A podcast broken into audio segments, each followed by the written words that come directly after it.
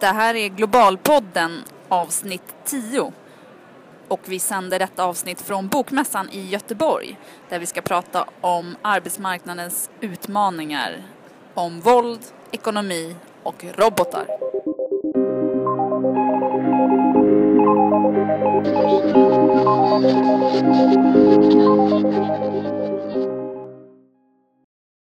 Vi ha vår webbredaktör Kim Nilsson som någon sorts bisittare, eller bisittare, samtalsledare kan Ja. man säga så här. Men nu får vi klara oss själva. Ja, det känns lite jobbigt faktiskt. Mm, gör det? Ja, Nej, vi klarar oss. No. Va, eh, Bokmässan, det är första gången jag är här, men du har varit här tidigare ja jag, har- jag har varit här i, i flera år sådär va. Men eh, hur kändes det när du kom in hit? Det var, även fast det inte är öppet för allmänheten idag så är det ju väldigt mycket folk.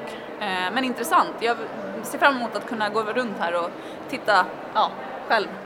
Har du sett någon? Man kunna förkovra sig rejält. Ja. Och du?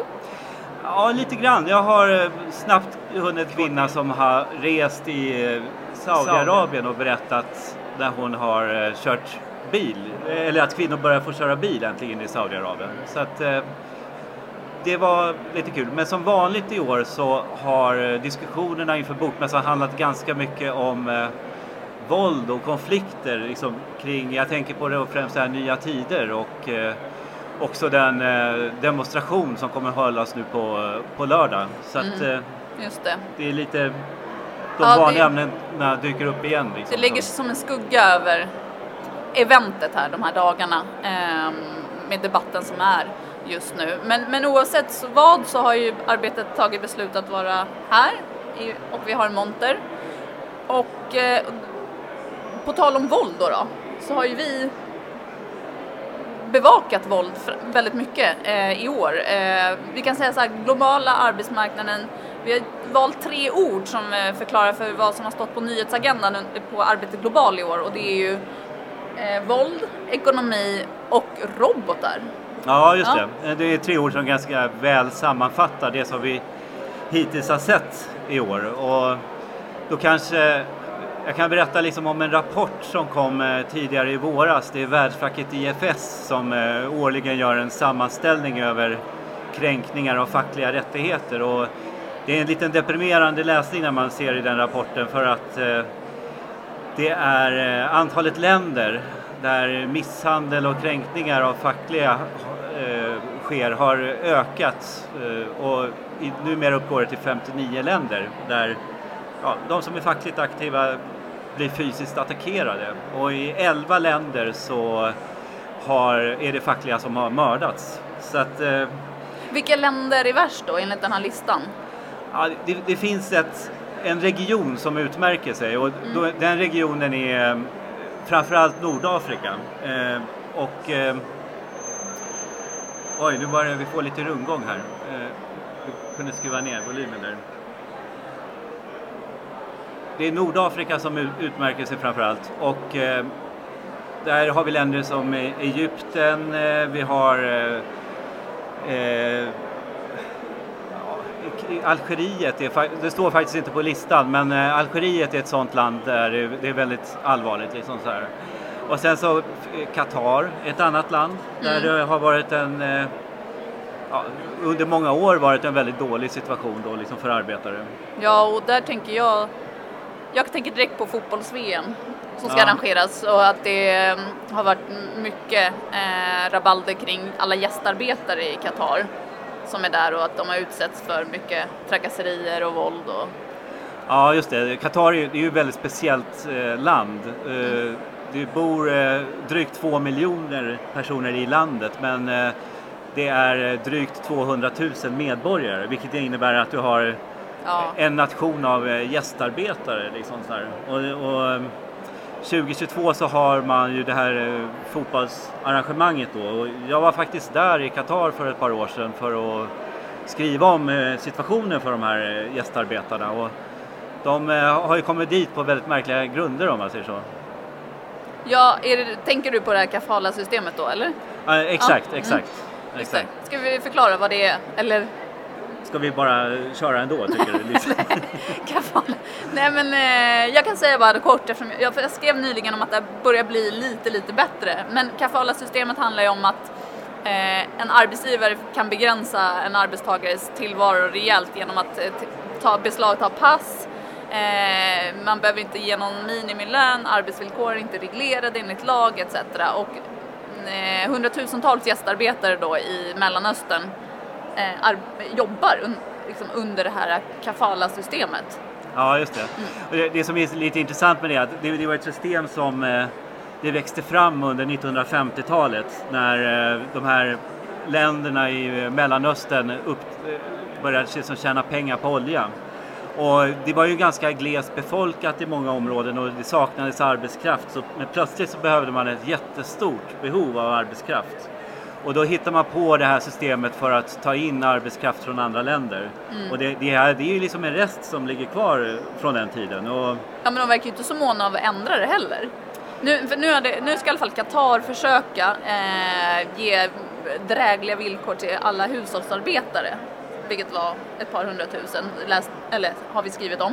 Ja. Men, men det ser likadant ut i Kuwait och eh, alltså i Saudiarabien, Oman, ja, alla de här länderna.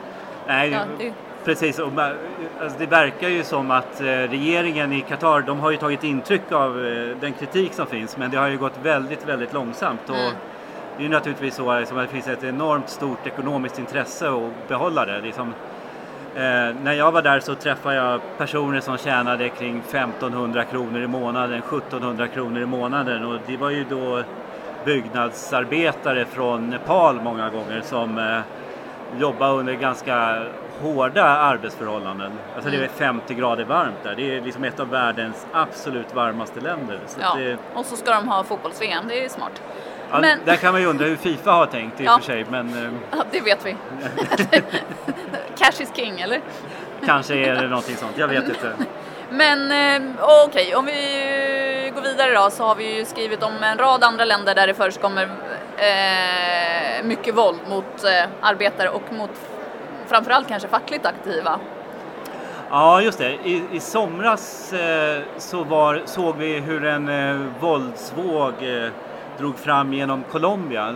Återigen skulle man väl tyvärr vilja säga. Men i somras så mördades eh, sex fackligt aktiva under en eh, ganska kort period. Och det, det, här var ju då de som var aktiva i lärarfacket och eh, jordbruksfacket där. Och bakgrunden är att lärarna har länge varit kritiska mot utvecklingen eh, på flera olika områden i, i Colombia och anordnat stora demonstrationer under våren.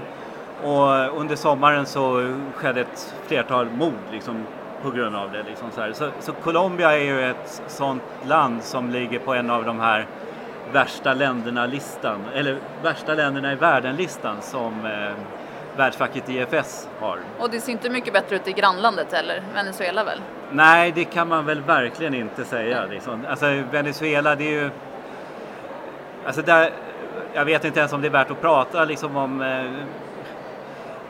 om ett hållbart fackförening där. Alltså, alltså, I Venezuela så det är miljontals människor som inte har möjlighet att teckna avtal liksom, så här, uh, av legala skäl då helt enkelt. Så mm. Samtidigt så finns uh, det är väldigt många små korrupta fackföreningar och de krigar faktiskt mot varandra. Alltså rent fysiskt så, mm.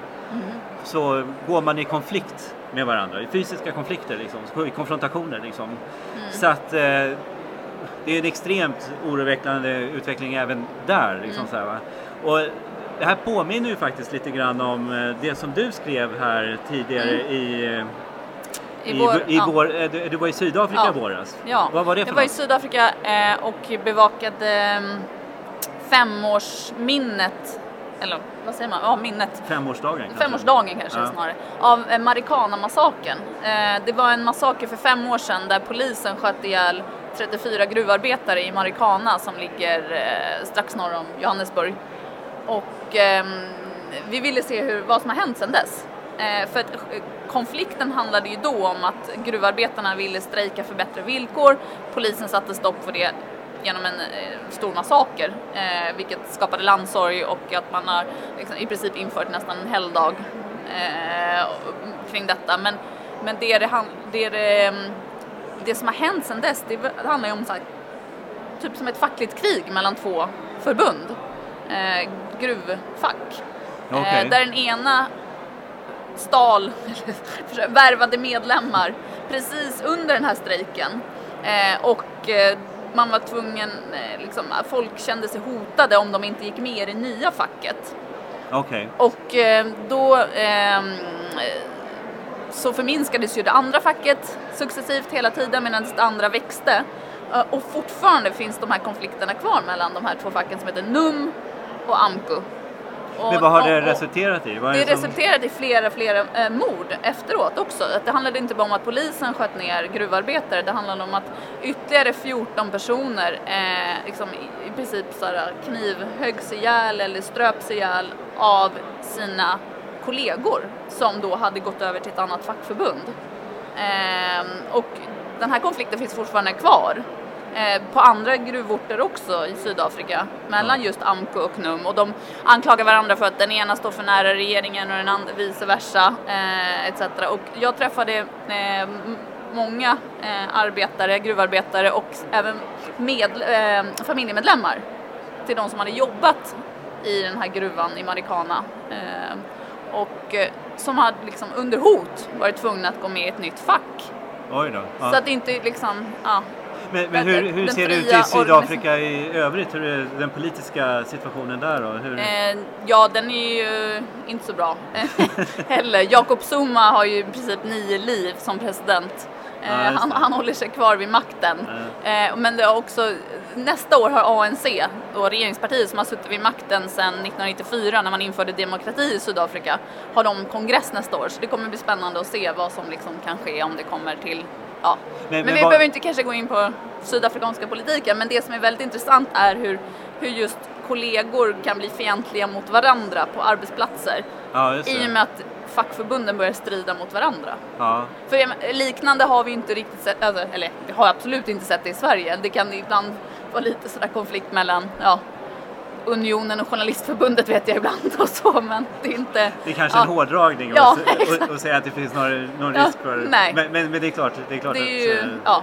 Det är väl en sån här ständig fråga, liksom, gränsdragningskonflikter mellan olika fackförbund. Liksom, så här, men i länder då där det är lite mer oroligt så kan det faktiskt bli på liv och död. Men mm. det som jag tänker mycket på det är ju också att i många länder så alltså korruptionen är väldigt omfattande. Liksom så här. Jag mm. tänker lite på Kambodja, liksom så här, där eh, jag var i april. Och mm. där träffade jag ju ja, flera arbetare framförallt inom textilindustrin men jag kom också i kontakt med olika NGOs och fackföreningar och så vidare. Och finns hur många små fackföreningar som helst men eh, i, många fall, I flera fall så är de faktiskt betalda av eh, arbetsgivarna. Liksom, eh, att det finns liksom många gula fack och det där är ett stort problem liksom, om man ska skapa då en, en riktig arbetarrörelse då på något sätt. Liksom, så mm, just det. Gula fack, om man inte förstår det. Gula säg, fack. Säg bara snabbt. Alltså det är fack som inte egentligen går sina medlemmars intressen utan de går eh, till exempel arbetsgivarens intressen eller någon, någon politiskt intresse. Liksom, så mm. så det, det, är en term som man eh, alltid bör förklara egentligen. Men, men sen kan man ju då undra vad är det då som i, för vi pratar ju, eh, när vi påannonserade den här eh, podden så pratade vi om att eh, ekonomin tuffar ju på nu i Europa, i USA, många andra platser. Eh, arbetslösheten går ner i många länder. Vad är det då som driver våldet gentemot arbetare och ja, fackligt det, aktiva? Det är ju det är lite konstigt, ja, precis. Alltså, man kan säga liksom, det finns mycket. Det var en kvinna här som kom fram, eh, som jag pratade med här lite grann på bokmässan innan. Och hon sa så här, liksom, ni journalister skriver väldigt mycket negativt men eh, hon, hon, var väldigt glad för det finns så mycket bra saker att prata om i världen. Och då kan man ju till exempel säga att medellivslängden, den globala medellivslängden fortsätter att öka. Mm. Folk är 70 år liksom så här. Eh, det är den globala medellivslängden och också många gånger så fattigdomen ökar också, alltså de som lever på absolut minst pengar, alltså de blir allt färre och färre. Liksom så här, Mm. Även om det var en hack i den kurvan just nu då. Liksom så mm. Och du tog upp det här med ekonomi nu. Mm. Och då, det ser ju ganska positivt ut på ja, ser hyfsat ut liksom, rent globalt. Prognosen, eh, jag såg någon prognos, jag tror det var från Världsbanken, eh, och den som sa att vi har en ekonomisk tillväxt på 3,5 procent. Ja, det, Det är det bra. inte, ja, det är Ja, inte ja. fantastiskt men det, det är helt okej. Mm. liksom, så här, va? Mm. Och ändå så kan man prata då om ökande klyftor då. Liksom så här. Mm. Men eh, jag var faktiskt på ett eh, seminarium i våras där eh, LOs eh, chefsekonom Ola Pettersson pratade precis om det där. Liksom hur, hur det kommer sig att, att eh, det blir sådana konf- konflikter trots att vi kan se ett eh, ökat välstånd inom många områden. Och han hade en idé om att eh, det beror på att spänningarna inom länderna ökar. Där är Sverige ett sådant jättetydligt exempel. Alltså där kan vi se att skillnaderna, de ekonomiska skillnaderna i Sverige Mm. ökar. liksom Ja, just så det. Medan globalt sett, om man tittar då liksom globalt sett så kan man ändå se att det blir bättre för många människor. Mm. Men, men det, som löntagare så är det kanske inte, man jämför sig kanske med grannen eh, och så, så ser man att nej, men det, här, det här var ju inte bra. Liksom så här, eller och jag har inte fått den löneökning som jag önskar eller eh, jag ser hur välfärden har försämrats eller skolan har försämrats på olika sätt och då kanske man reagerar då. Liksom så, här. och det i sin tur kan leda till de här våldsamma konflikterna. Mm. Liksom så här. så det, det kan vara en förklaring. Så vilket skulle då kunna tyda på att vi kan få mer av dessa fackliga konflikter Ja, absolut. Absolut. i Sverige? Alltså det finns ju redan hot mot förtroendevalda och så, det är inte Ja, vi något kan, snack och vi kan, snack om. eh, jag känner till Men, några av dem. ja. Vilka tänker du på? Jag tänker på eh, transport till exempel. Ja. Där de har fått ha överfallslarm, eh, liknande skyddsombud inom transportförbund, ja, Transportarbetarförbundet. Mm. Okej. Ja, och du? Eh, jag tänker inte på några i Sverige. Just nu är min hjärna bara... Ja okej, ja men du frågade vad jag tänkte på. Men jag, jag, ja, jag, jag, jag får vad du tänkte på. ja okej. Men vad... eh, Det börjar bli jag- som det här ja. trädgårdsprogrammet där man sitter och bråkar Jag, med jag varandra, tänkte liksom. på det, det vi... ehm, en till utmaning som skulle kunna skapa ännu större konflikt då, om, även om ekonomin tuffar på och det går bra och hej och så handlar det ju om det här spännande nya som ingen vet var det kommer ta vägen. Och då pratar vi om eh, såklart om artificiell intelligens, AI och robotar. Okej, ja, Ja. då- Det, det där är ett ämne som jag brukar gå igång Ja, på. jag vet det, jag vet brukar, det. jag brukar skriva krönikor Ja. Men- Vad ska jag skriva men om idag? Jag jag tar, jag tar varit- artificiell intelligens. Vad ska det idag? Det blir robotar. Så, här, det, så där kan man hålla på. Ja. Liksom, så. Eh, Men, men det, jag tycker, och då alltså- har du en favoritsiffra, eller hur? Ja, jag har många favoritsiffror men jag tror jag vet vilken du syftar Ja. på. Du syftar på en McKinsey-rapport som kom eh, ja, för i början av årsskiftet tror jag det var eller något sådär. Som säger att eh, 1,1 miljarder jobb inom kort kan eh, komma att ersättas av robotar. Och 1,1 miljarder jobb, det är ganska många. Kan ja, man säga. Det, det är 1,1 miljarder. Va- Och, fast jag, ja, jag, jag vet inte McKinsey om jag riktigt tror på dem. Eh, det där är nog så här domedagssiffra. Eh, men Ja, Ja. Du, du, kanske har rätt. Alltså det är ju många som... Ja. ja, det som framförallt det handlar om nu, det är väl att eh, vad, ja, lagar och regler och alltså, Ja, juridiska rättigheter och allt sånt kring just den nya tekniken som det kommer innebära med robotar. Till exempel, alltså när vi pratar robotar pratar vi inte om här maskiner som ser ut som, det kan ju vara självkörande bilar eller liknande. Ja. Ja, just det. Du tänker på hur, att lagstiftningen inte hänger med riktigt Nej, sådär. exakt. Ja. Och ju, jag var på ett robot, jag var faktiskt i Bryssel i, tidigare i år, i februari, och eh, var med på robotseminarium. Okej. Där, eller flera stycken under två dagar. Och då diskuterade man just det där kring ja, den juridiska lagstiftningen eftersom det är väldigt viktigt nu att alla EU-länder har samma lagstiftning kring detta. Ja, okej. För, för om den skulle börja skilja sig, då blir det ett jättestort problem om man till exempel pratar självkörande bilar i framtiden om man kör mellan Sverige och Danmark. Ja, Och liksom, just det. det sker en olycka eller liknande. Eller det kan vara andra grejer också. Och där är det jätteviktigt nu att du EU samsas liksom, kring en reglerad lagstiftning tillsammans. Men vad, vad är det största problemet då som du ser det? Som... Eh, vad menar du? Alltså för just självkörande bilar eller robotteknik? Nej, jag, jag eller? tänker på självkörande bilar. Liksom. Jaha, där är väl, eh, det är väl alltid så här, den här uppenbara frågan, vem bär ansvaret? Ja, ja, just det. Ja. Ja. Men sen handlar det ju, den stora frågan utöver det som arbetsgivarna eh, det finns två sidor av det här myntet men det är klart att om robotar börjar ersätta dig och mig ja. då betalar inte vi skatt. Nej, just det. Just det. Nej. Ska robotarna då betala skatt? Och det vägrar ju arbetsgivare, så då är frågan om ska liksom arbetsgivare, företag beskattas för att de har robotar istället för personal, alltså mänsklig personal. Och så förlorar länder till statskassan på det. Okej. Så frågan är liksom hur hela det här systemet ska byggas upp. Det vore ju skönt för oss, vi behöver inte jobba. Men å andra sidan går ju statskassan bankrutt om de inte får in någon slags robotskatt. Ja, Okej, ja, jag, jag fattar. Det är en ganska stor fråga. Ja. Alltså, det påverkar inte bara antalet jobb liksom, så här, utan det är ju även liksom, hela finansieringen Ja. av välfärdssektorn och, och ja, en gemensam stat. Då, Exakt. så. Mm. Så det, vi kan ju räkna med ganska stora omförhandlingar. så här. Ja, det kan vi göra. Ja. Men eh, alltså, på ett sätt så skulle jag tycka det var jättepraktiskt om vi hade, ja men tänk om två robotar kunde ersätta oss, sitta här och podda liksom så Mm. Vad skulle du göra istället då? Ja, ja, jag vet inte, jag skulle väl kanske lyssna på podden eller någonting sådär. Men om man, om man tänker då att man har väldigt få lyssnare, då kan man ju kanske få flera robotar som lyssnar på podden. Liksom. Så, liksom, vad, vad tror du om den idén? Det är bra.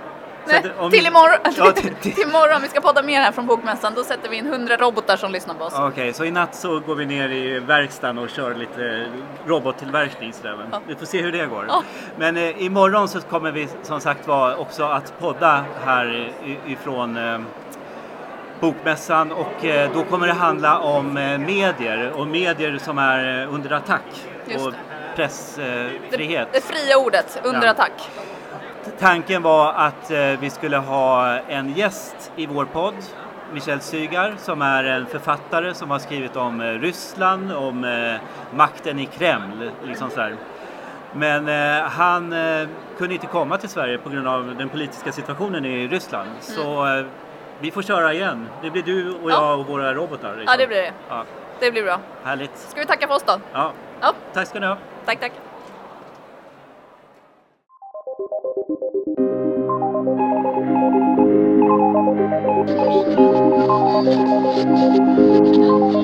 you.